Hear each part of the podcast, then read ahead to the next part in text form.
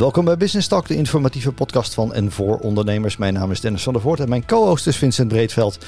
Ja, Vincent, wie is onze gast van vandaag? Dennis, onze gast is Ed Slobbe van Optimaal Werk. We gaan het met hem hebben over de risico's en beheersing van verzuim onder je personeel. Maar allereerst een andere vraag, Ed. Ik las onlangs in de krant dat er een groot tekort is aan bedrijfsartsen. Heb jij er ook last van en, en hoe komt dat? Of is dat niet opeens? Nee, dat, dat, is op zich niet opeens. Dat is een uh, probleem wat al lange tijd uh, opgebouwd is. Het gaat nog wel groter worden, ben ik bang. Er zijn best wel veel bedrijfsartsen die met pensioen gaan. dus je ziet ook wel wat kunstrukken die een hoop arbeidsdiensten uithalen. Precies, ja. Door met wat ze noemen gedelegeerden te werken. Ja. De leken die namens de bedrijfsarts dan vragen gaan stellen.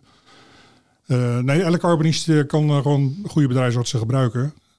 Er is een hele lange tijd onvoldoende bedrijfsartsen zijn opgeleid. En ik denk ook dat er een deel van het probleem zit in dat heel veel artsen of heel veel studenten niet voor kiezen om medicijnen gaan eh, studeren om bedrijfsarts te worden. Het is toch een ander soort arts dan, dan een huisarts of een medisch specialist uh, die, die behandelt. Het is geen, geen patiënt-behandelrelatie bij een bedrijfsarts. Die je bij, normaal gesproken, behalve dan bij de patholoog anatoom, uh, maar voor de rest zie je dat er een uh, patiënt-behandelrelatie is en dat heeft een bedrijfsarts niet. Ja, vroeger was het eigenlijk zo bij zo'n arbodienst. En dat je een bedrijfsarts was daarvoor opgeleid. En dan onder zijn auspiciën had je ook wel een arts, zo'n basisarts. Maar tegenwoordig hoor, zie ik ook wel eens bij mijn klanten, zie ik dan wel eens van die verslagen langskomen. En dat is dan gewoon van een, ja, ik noem het dan een administratief medewerker. En die is dan ook onder de vleugels van die bedrijfsarts. Ja. Dat is toch eigenlijk nog een stapje verder. En dat geef je zelf eigenlijk ook al aan.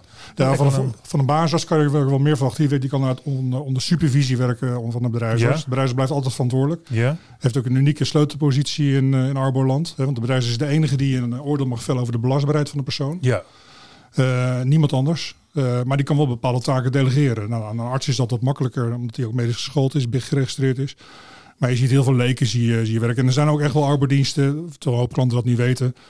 Waar, waar er één bedrijfsarts is, waar uh, nou, tien case managers gedelegeerd onder werken. vanavond sprak ik een recruiter.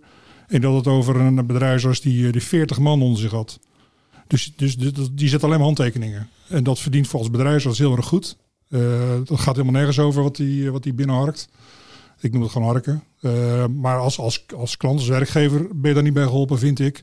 En als werknemer ook niet, want je hebt gewoon recht op goede arbeidszorg. Het is gewoon echt een specialisme, bedrijfsarts. Ja, wat, wat maakt dat vak zo bijzonder en waarom is het zo essentieel dat het goed gaat?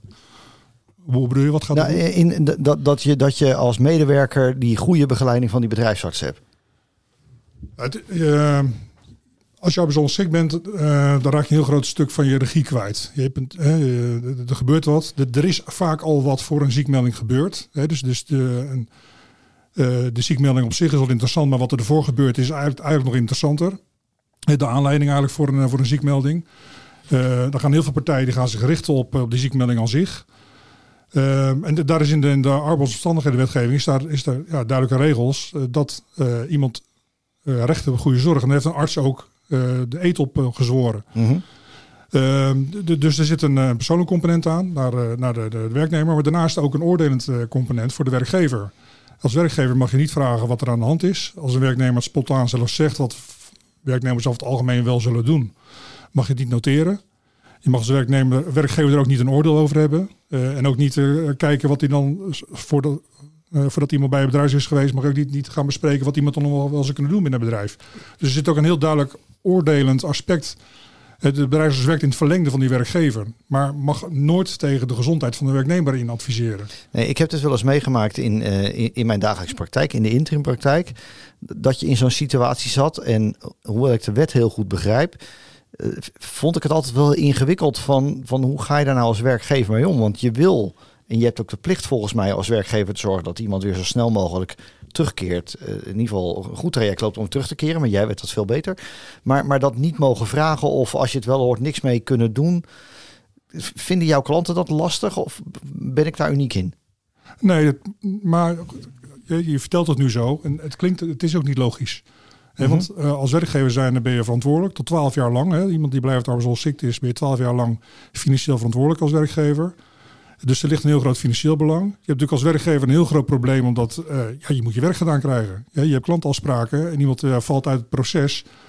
Ja, en hoe kwetsbaarder de functie is, hoe, hoe groter de impact kan zijn. En ik heb ook best wel beeld dat maar, een... Maar de andere kant is ook, uh, uh, je hebt dat financiële belang, maar je mag daar niks van weten. Nee. Tenminste, je mag er niet naar vragen en ook geen oordeel over hebben. Er zit op zich ook wel een logica achter, omdat bepaalde ziektebeelden uh, het niet handig is dat, dat je werkgever dat weet. Hè. Als je natuurlijk een bepaalde verslaving hebt, hm. of een bepaalde problematiek, dat gaat een werkgever of een ander ook helemaal niet aan. Nee. Uh, dus dat moet in een veilige setting met de bedrijven moeten besproken worden. Uh, maar, maar het is niet logisch als je ergens verantwoordelijk voor bent, erop afgerekend kan worden, hè, een loonsanctie kan krijgen, maar er niks van mag, mag vinden. Dus je mag het alleen maar hebben over de uitkomsten. En dat zijn dus de belastbaarheid en hoe je dan iemand. Nou ja, en dan nog het sociale aspect. Ik ben geneigd om te denken dat het merendeel van de werkgevers gewoon het, het goed voor heeft met, met, met hun personeel. Er zullen best uitzonderingen zijn. Die maar zijn dan, er zeker, ja. Dan, ja, nee, maar, maar laten we even van het goede uitgaan. Dat, dat vind ik op zich wel een prettige nou, je, insteek. ziet het, je ziet het model wel een beetje veranderen. Hè? Want uh, uh, als, ik denk als je een beetje boven Nederland uh, van, van afstand kijkt. We zijn natuurlijk best wel anglo-sancties uh, zijn we georganiseerd. Mhm. He, dus de aandeelhouder is, is daar de, de, de, de bepalende factor, de, de, de, ja, de grote stakeholder. Uh, dus het oude model is ook van uh, ik heb arbeid en daar betaal ik je voor, en niet zeuren, maar aan het werk. Dat is het oude model. Het nieuwe model gaat steeds meer naar het Rijnlandse model. En soms zie je dat ook meer, meer een Scandinavisch model. En daar zie je dat de werknemer ook een stakeholder wordt gezien. Onder andere ja. de werknemer. Uh, de, de, dus je ziet ook wel de belangen uh, van spelen. En in die zin is het ook niet gek, denk ik, dat je nu ook die discussies hebt. Even, we hadden ook eerst MeToo. Uh, ja, precies. De, de Voice. Mm -hmm. Nu uh, Matthijs van Nieuwkerk die, die onder, onder, onder vuur ligt. Hè, met allemaal, allemaal andere gebieden. Dus niet allemaal seksueel georiënteerd, hè, maar ook gewoon onveilige gewoon werkomgeving. gedrag, ja. Onveilige omgeving, precies. Ik, ik denk dat dat daar ook wel mee te maken heeft. Met dat, dat het niet meer zo geaccepteerd wordt. Ehm, ook, ook te krap op de arbeidsmarkt. Uh, werkdruk, wat ook wel gezien wordt. Maar zou het ook niet zo kunnen zijn dat je het eigenlijk helemaal anders moet bekijken? Het, het hele probleem uh, met het hele arbodienstengedoe is natuurlijk dat de werknemer is degene die ziek is en die heeft constant contact met de arbodienst en de bedrijfsarts. De werkgever, meestal MKB-ondernemers, die zijn daar niet de hele dag mee bezig. Dus die worden steeds geïnformeerd op periodieke basis. Krijgt hij weer een verslag uh, waarbij hij dan maar moet lezen wat de werknemer vindt dat er aan de hand is in zijn relatie tot de werkgever.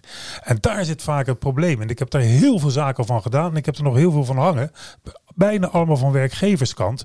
Waarbij de werkgever oprecht verbaasd is van het aantal conflicten die geacht wordt, die hij geacht wordt te hebben met de werknemer. En uiteraard hebben we daar richtlijnen voor. Hè, de bekende stekkerrichtlijn, die om, om zo'n beetje ieder kwartaal wordt gewijzigd. Wat, wat is die stekkerrichtlijn de voor de leek? is een richtlijn. Uh, dat zijn richtlijnen voor, uh, laten we zeggen, voor bedrijfsartsen. De arbeidsconflicten. En, bij arbeids, ja. en, daar, en daar, daar, dat zijn richtlijnen voor dus bedrijf, hoe, waar, hoe bedrijfsartsen het, moeten het, handelen. Maar dat ver, die veranderen Noem mij naïef, maar toch niet elke ziekmelding leidt tot, meteen tot een arbeidsconflict. En wel Mag ik hopen? komen in dat verhaal. iets, iets gemarkeerd ja. wereldbeeld. Ja, ja. ja. En ik wil is, van jou uh, graag de nuance horen, want zo erg zit het, het, leven toch niet in elkaar. Nee, maar Vincent, ik, ik, ik hoor het je zeggen, maar... Uh, uh, en eigenlijk zeg je van, joh, als de, de werknemer heeft contact met, met de arbeidsdienst, met de bedrijfsarts en de werkgever niet. Maar als werkgever ben je, selecteer je de, de arbeidsdienst, de werknemer niet. De werkgever selecteert. Dus op het moment dat jij uh, de impact van, de, van, van arbeidsongeschiktheid hebt, die natuurlijk heel erg groot is, en hoe kleiner het MKB, hoe groter de impact is, ja, ga naar een andere arbeidsdienst.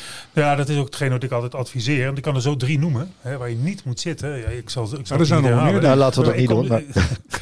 zijn groot en landelijk. En uh, ja, het, het, is, het, is, dramatisch. Ik denk dat je bij een, bij een regionale uh, arbeidsdienst veel beter, uh, zeker als MKB'er, geholpen kan worden, denk ik. en natuurlijk hangt het ook af wat voor bedrijfsarts je hebt. want ook bij grote arbeidsdiensten zitten ook wel goede bedrijfsartsen. Maar ik denk, denk, regionaal dat je daar als klant veel meer gehoord wordt dan... maar goed, dat is ook een beetje predikenvrije geprochie natuurlijk, want... Ja, snap jij ziet veel dingen in de praktijk, Ed. En, voordat we de hele problematiek van de, de goede of slechte arbeidsdiensten belichten, denk dat het wil het vanavond ook met je hebben over, over de, de uh, vooral beheersing en voorkoming van verzuim. Want achteraf handelen, dan kom jij als, als specialist in beeld, maar uiteindelijk reactief. Uh, reactief maar, maar ik ken je ook als iemand die, die wel pleit voor beheersing vooraf. Wat, wat is daar nou echt belangrijk in? Wat, wat geef jij die nou, die werkgevers, maar misschien ook wel die werknemers mee. Nou, het grappige is wat uh, niet iedereen zich realiseert, maar de, de AVG uh, geldt natuurlijk op het moment dat er een ziekmelding is. En, en, en, dan mag je niks vragen en als je, als je wat hoort als werkgever mag je niks noteren. Uh, maar dan heb je de ziekmelding al gehad. Mhm. Mm -hmm. Er gaat ook nog een, een traject aan vooraf. Ja, of het nou griep is of iets anders, daar gaat altijd wat aan vooraf. En, en over het algemeen kan ik nog zeggen dat is het ook wel griep of speelt daar niet wat anders achter? Mhm. Op het moment dat je natuurlijk eerder met je werknemer in gesprek gaat, hè, de werknemers die glijden vaak af. Het is vaak een periode, dat, dat kan weken, dat, dat kan maanden zijn, soms kan het jaren zijn, voordat die ziekmelding komt. Eh, iemand functioneert, dat gaat goed, er gebeurt iets. Iemand, eh, dat kan privé zijn, over het algemeen, het kan, het kan werk zijn of een, of combinatie daarvan. Maar iemand gaat afglijden. En dan komt er een moment dat iemand zegt, ja, nu is mijn mijn vol, de druppel die gaat er overheen, ik ga me nu ziek melden. Dat is vaak een kleine aanleiding en daar, daar is de focus op. Dus, dus het interessante is het traject daarvoor. Eh, daar zit in feite ook de preventie. Op het moment dat je goed contact met je werknemers hebt, je weet wat er speelt, en daar regelmatig ook een goed gesprek over voert, en je die informatie boven tafel krijgt, ja, dan kan je er ook wat aan doen. Dus het is geen arbobeleid, maar veel meer HR-beleid. Of, of ja, Beide, sociaal ja. beleid, Ja. Hoe, hoe noem je het? Kijk, eh, sowieso heeft een werknemer recht op, eh, op eh, vrije toegang tot een bedrijfsarts. Nou, er wordt niet heel veel gebruik van gemaakt. Zo af en toe hebben we dat. Dat zou best wel meer gepromoot kunnen worden. Want het zijn ook, ook soms zaken die je niet met je werkgever wil bespreken. Je, je, je, je, cocaïneverslaving of dat, dat je s'nachts veel eh, aan het eh, internet zit met eh eh, pokerspelen of wat dan ook. Of noem het allemaal maar op. Mhm. Dat zijn niet de dingen die je trots aan je werkgever gaat vertellen. Als je de volgende dag half slapend op Nee, kantoor dat, zit dat of in de fabriek staat. Voor, eh, want de volgende stap is dat je met Vincent te maken krijgt. Omdat dat er een advocaat opgezet wordt om, Hmm. om de, ar- eh, de arbeidsovereenkomst te ontbinden. Want dat willen werkgevers vaak niet. eh, niet Nee, eh, zo gaat dat nee. vaak, dat klopt. ja, dus, dus moet je een, op een andere manier. Hè, nou, dus een vertrouwenspersoon is daar een middel van. De bedrijfsarts is daar een, middel van. Is- worden jullie ook gevraagd om dit te vertellen aan medewerkers? Of, of is dat nog een stap te ver? Nou, sommigen wel. Vandaag hadden we toevallig bij, bij een klant die een heel actief beleid heeft. eh we hadden een toolbox meeting. Eh, dus daar hadden we al twaalf mensen in, in, in de productie die we daar, daarop hadden. Dat was de leeftijdscategorie 35 tot 50. Mhm. En de vraagstelling was, nou hoe kan je gezond naar je pensioen? En dan kwam dit, dit onder andere aan, aan orde. Dat, dat doen we regelmatig. Het ene bedrijf die is daar actiever in dan het ander.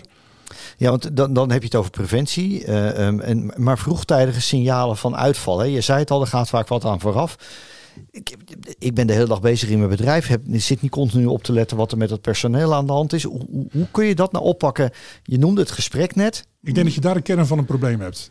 Ehm, en dat heeft met de fases, eh, dat, dat weet je als geen ander denk ik, van de fases van de onderneming te maken. En je hebt natuurlijk de pioniersfase, eh, waarin, je, waarin je als, als ondernemer eh, heel erg extern gericht bent. Eh, laat zeggen tot een man of tien ongeveer. Mhm, mhm. Eh, je hebt de, de, eh, de organisatiefase, hè, vanaf een man ongeveer van, eh, van, van 20, waarin je dus ook het volume hebt waarin je iemand de binnendienst kan laten runnen. Maar die tussenfase, dat is waar heel veel bedrijven in zitten, de managementfase. Ja. Grofweg tussen de 10 en de 20 werknemers. En dan als ondernemer zijnde, ja, je bent je bedrijf begonnen of je hebt het overgenomen, tweede, derde generatie. Ehm, je bent aan de slag en, je groeit, hè, je bent succesvol daarin. En op een gegeven moment ben je ook bestuurder en moet je ook de binnenkant gaan. En sta je gewoon ver- verder van die medewerker af. Is dat het? Nou, eh, het, het wordt groter. Mhm. Eh, buiten gaat steeds meer aandacht vragen. En je komt eigenlijk als, als ondernemer, bestuurder. eh, die, de, rol, de rol van het bestuurder wordt nadrukkelijker. En je komt daarmee in een spagaat. Dus eigenlijk word je als ondernemer, waarom je ook ondernemer bent geworden, word je eigenlijk steeds meer naar binnen getrokken. Ehm, en, en dat betekent, dat, dat is niet leuk, dat geeft geen energie, dat is eh, gezeur. Eh, nou, ik kan nog een paar woorden daar, daarover roepen. Eh, maar daar zie je dus heel veel, heel veel problemen, terwijl wel daar eigenlijk de winst valt te halen. Het is ook een best wel een gevaarlijke fase waarin je als ondernemer kan zitten. Dus het is eigenlijk of krimpen of doorgroeien, grofweg. Eh, in ieder geval om te zorgen dat, dat het personeel, de werknemers, wel hun aandacht krijgen die, die, die het vraagt. Want ga je doorgroeien, dan, dan vraagt dat gewoon van je dat je op een andere manier je bedrijf gaat inrichten. A, dat je zelf er nog lol uit gaat halen, want Ja. je bent ondernemer en geen manager. Ja. Maar je wordt wel een beetje min of meer gedwongen manager dan. Je wordt, ja, Dus, dus, het- dus het- het het komt weer neer op keuzes maken, ook voor jou als ondernemer op dat Ja, moment. de- maar dan de keuze in de basis van krimp of groeien. Niet de keuze van ga ik me met de werknemers bezighouden of niet. Eh, want, want die problemen krijg je gewoon op Ja. je bord. Eh, en, en op het moment dat je dat niet door groei of krimp eh, oplost. Maar begint dat niet gewoon al bij medewerker 1? Nee, nee, nee, nee. nee. Dat niet. Nee, niet, niet wat, ik, wat ik bij klanten zie en ook niet wat ik zelf, eh, zelf ervaar. Maar toch is het zo dat, van, zeker vanuit het MKB, toch de, de last, hè, zullen we maar zeggen, van het begeleiden van zieke werknemers, zowel financieel als de tijd die erin gaat zitten, echt als onaanvaardbaar hoog wordt ervaren. En die, die, dat, die roep, zullen we maar zeggen, die wordt ook wel gehoord door de politiek, hè, omdat ze dan laten zeggen, de twee jaar willen terugbrengen naar een jaar. Ja, Hè, dat- ik snap dat, niet. Dat scheelt ook al. Wat je ook zou kunnen doen. Is hoezo veel meer- dat? Nou, omdat twee jaar de helft is van een jaar. Ja, Als je dus na een jaar ermee kan stoppen, hè, dan, dan, dan ben je al een end verder. Maar die werknemers die gaan toch, toch niet dan, dan eerder aan het werk? Nee, maar dan, dan kan je er wel makkelijker vanaf. Want dat is Ja, maar uiteindelijk dan moet dan, toch, moet dan toch die uitkeringen betaald worden? Ja, en dat zou je dan maar in de collectiviteit moeten zoeken. Want het alternatief zou kunnen zijn, is dat je het eigenlijk, wat- je eigenlijk, is, dat, is het misschien een goed idee om die hele, dat hele eh, zorgstelsel zo'n werknemers, en om die verantwoordelijkheid meer bij bijvoorbeeld een arbodienst te leggen en helemaal weg te halen bij de werkgever. Kijk, hoe dan ook moet het, moet het betaald worden. Op het moment dat je, Natuurlijk, hè, financieel, oké, dat ben ik Kijk, dan met je eens. Maar En, en ik denk, eh dat laten de cijfers ook wel zien, op het moment dat, dat, eh, dat je het aan het UWV, eh, dus, dus aan een overheidsorgaan Ja. Over gaat laten. Ja, hoe, da- waar ligt daar dan wel de noodzaak om iemand dan aan, aan het daar hebben we volgens mij geen goede ervaringen mee. Nee, dus, dus, dus daar Ja, maar financiële belang de ondernemer er wel vanaf. Hè? Ja. Dus dat is, Maar dan gaat wel meer betalen. ja. Ja, zal ja, wel. last. Het Het- gaat om de effectiviteit Ja. van de maatregelen. En ik denk niet dat je dat oplost door voor, voor twee jaar naar één jaar te gaan. Eh, en daarnaast, weet je, eh, we hebben ook nog eh, de, de, de doorbelasting van de, van de werkinvattingskas, eh, die ook nog eens tien jaar is. Ja. Dus, dus je kan eigenlijk, wil je dan als, als, als, hè, als je er zuiver naar kijkt, wil je eigenlijk als, als, als, als werkgever weer zoveel mogelijk invloed hebben op werkervatting. Eh, en misschien mag daar wel iets meer de focus liggen. Hè, dus, dus enerzijds preventie. Mhm. eh, en anderzijds gewoon op het moment dat iemand uitvalt, eh, dat je dat zo goed mogelijk probeert te, te begeleiden naar werk. En met deze arbeidsmarkt eh, is dat een stuk makkelijker dan dat natuurlijk te Nee, kort aan. d- Dat is dat, waar. dat is Dat wel een interessant haakje om, om, om mee af te sluiten. Want we, we zien een aantal, on- laten we maar zeggen, maatschappelijke ontwikkelingen. Waarvan ik denk, gewoon als, als, als van een afstandje van dat. dat wat gebeurt er nou en waarom gebeurt dat en waarom heeft dat impact in het bedrijf? En dan, er wordt natuurlijk in de arbeidsmarkt nu gezegd, hè, we moeten weer meer gaan werken, want we werken gemiddeld 30 uur. Dus Nederland moeten weer gewoon terug naar zoals wij ooit begonnen zijn, eh 40 uur in de week eh, te werken. nou, Ehm, dan zie je medewerkers waar, waar, waarvan je maar we weten het niet. Maar wat ik me afvraag is, kunnen mensen nu tegenwoordig gewoon minder aan dan, laten we zeggen, 10 of 20 of 30 jaar geleden? Dat toen die 40 uur nog heel normaal was. De, en dan, dan gaat het over werk-privébalans. Dus als je die aspecten bij elkaar pakt, wat, zie jij dan vanuit jouw professie? Maar ik denk dat je de uren sowieso moet eh, nuanceren. Het zijn natuurlijk de loop der decennia zijn er steeds meer vrouwen op de arbeidsmarkt gekomen die per, per definitie veel meer parttime werken. En dat verlaagt natuurlijk wel de gemiddelde arbeidsduur. Zeker, Ja. zeker. En als je dus als je decennia geleden vergelijkt met, met waar, waar je volledige of, of veel meer een, een, een mannenmarkt, eh, werknemersmarkt had. eh, en, en de vrouwen thuis zat. Thuis zat, ja, ja. Weet je, en dan, dan heb je natuurlijk ook de situatie dan dat, dat eh, zorgtaken natuurlijk ook veel makkelijker te, te organiseren zijn als er iemand thuis zit. En gelukkig is dat allemaal niet meer zo. Eh, dus, dus op zich wordt er volgens mij best wel gemiddeld hard, hard gewerkt. Terugkomend op die vraag. Ik denk dat je dat. eh, ik denk dat we met, ja, ehm, met, met een cultuurkwestie zitten, met een generatiekwestie zitten. eh, met met, met ehm, de, de verleidingen van, van so- social media gebruik en dergelijke. De, de afleidingen waar je als mens ook niet echt voor ontwikkeld bent. Hè. Eh, Mhm, mhm, Zeker. Multitasken, dat, dat, dat, dat kan eigenlijk, eigenlijk gewoon niet. Ehm, de, de, Dus er wordt mentaal gewoon niet alleen in, maar ook buiten het werk 24 uur per dag veel meer van ons gevraagd. Is, is dat het? Ja, eh, en ook, ook de mogelijkheden zijn er veel meer. Hè. Vroeger... eh, de, Ook de- meer lastige gevallen natuurlijk in je vrije tijd hè, door de baas. Hè? Dat Nou ja, Ja, ik- ik, ik- weet niet ik- of dat nou echt, dat wordt wel veel gesteld, maar ik Ja, weet niet of dat echt zoveel niet, is hoor. Ja. Eh, ik, ik denk meer dat te vergelijken. Kijk, 24, 24 op dag, 7 dagen in de week heb je televisie. Meerdere zenders. Hè. Zoek maar wat uit die je kan vinden. Ja, wij Ja. kennen de tijd nog van Nederland 1 en 2 en om 11 uur ging het, ging het testbeeld Ja. erop. Nou goed, eh, dat was, vroeger was het een... eh, En om zaak- 6 uur 's middags ging het aan. Later werd dat eerder, maar dat was toch een beetje het idee waar wij... eh, ja, we- dit, klinkt nu heel oud, Ed, maar, maar zo was het wel in de jaren Ja. 80 en 90. En dat is natuurlijk veranderd. Anderzijds denk ik ook wel dat we, dat we het elkaar ook een beetje aanpraten. Hè. Dat als je nu ziet Ja. hoeveel er over, over werkdruk gesproken wordt. Eh, en natuurlijk komt voor, hè. Laat, laat het helder zijn. Ehm, maar ook heel veel mensen die, die het hebben over burn-out klachten. Nou, er is nou een, een, een hele flinke discussie is nu ook, en ook gaande in, in Arborland en, eh, en, de, de, de, de randgebieden daaromheen. Ehm, eh, Christian Vinkers, dat is een Vinkers, heet hij geloof ik, is een, een psychiater en ik meen ook hoogleraar. Die heeft een boek geschreven in de ban van burn-out. Ja. Die stelt onder andere dat eh, eh, en, en mensen die hebben echt klachten, laat dat helder zijn. Mhm. Maar er ligt geen, geen kausaal verband tussen burn-out klachten, zegt stelt hij, en burn-out. Ja, zo. Dus, Dus, dus daar ligt geen. Dus, dus, dus, dus de oorzaken liggen wellicht anders. nou ja, wellicht dat we dingen burn-out noemen, wat eh, geen burn-out is, maar wel relevante uh, Is dat de, waar je de term bore-out hebt, dus verveling? Of, of is dat te kort door de bocht? Nee, nee, nee, nee, nee. Mensen hebben echt spanningsklachten. Ja. Eh, wat je denk ik ook spanningsklachten kan duiden. En wat hij stelt in zijn boek is eigenlijk dat, eh, dat, dat op het moment dat je mensen stellen dat ze burn-out klachten hebben, dan niet zeggen dat ze later ook een burn-out krijgen. Nee. Die relatie is niet niet. per definitie ongezond te zijn, zegt hij. En hij, zegt, en hij zegt daarbij ook dat ja. eigenlijk lijkt, lijkt een echte burn-out, hè, want dan kan je echt niks hebben. Dat die mensen, echt, als je dat hebt, dat is echt serieuze shit, zou ik bijna zeggen op zijn zwaar overspannen. Hè? Die mensen Het is, die niet eens- het is nog erger dan dat. Nee, ik denk dat we allemaal gevallen kennen waarbij Maar, dat maar, zo is. maar, maar hij stelt eigenlijk dat dat een hele dichte relatie heeft met, ehm, ehm, eh, god, ben ik het woord kwijt, met een depressie. ja, ja. En dat het daarmee eh, de, de link Echt ligt. een heel ander Maar niveau. dat betekent eigenlijk ook dat je de burn-out klachten zoals die stellen, die eigenlijk ook anders moet behandelen. Want dan kunnen mensen zeker nog wel wat. Maar als jij een mindset hebt dat je niks kan, dat je arbeidsongeschikt bent, ja, dan ga je ook niet, niet, ook niet voorzichtig beginnen op een gegeven moment met werkervatting. Dus dat, dat remt af. Dus dat helpt voor, voor de discussie niet mee. Daarnaast, eh, er zijn over de hele wereld 141 definities van burn-out. Dus in het ene land is het een, is het een probleem en, en, en een ziekte en wordt het vergoed. In een ander land, daar, eh, daar wordt het niet vergoed en is het ook helemaal geen probleem ja, en geen ziekte. precies. Terwijl de mensen wel allemaal dezelfde klachten hebben. Ik heb zomaar het idee dat we echt nog heel lang over dit onderwerp eh, door kunnen gaan. Ik wel, dat, ja, gaan ja. We, dat gaan we zeker ook een keer doen. Maar eh, fijn dat je een inkijk gegeven hebt in, in aan de ene kant hè, de, die, die complexiteit voor de werkgever. En, en ook de rol van, eh, van risicobeheersing. En, eh, en ja, ik schat in dat we hier zeker nog op, eh, op een later moment weer op terugkomen. Ed, Dankjewel voor je, voor je bijdrage. Dank jullie wel. Dank je.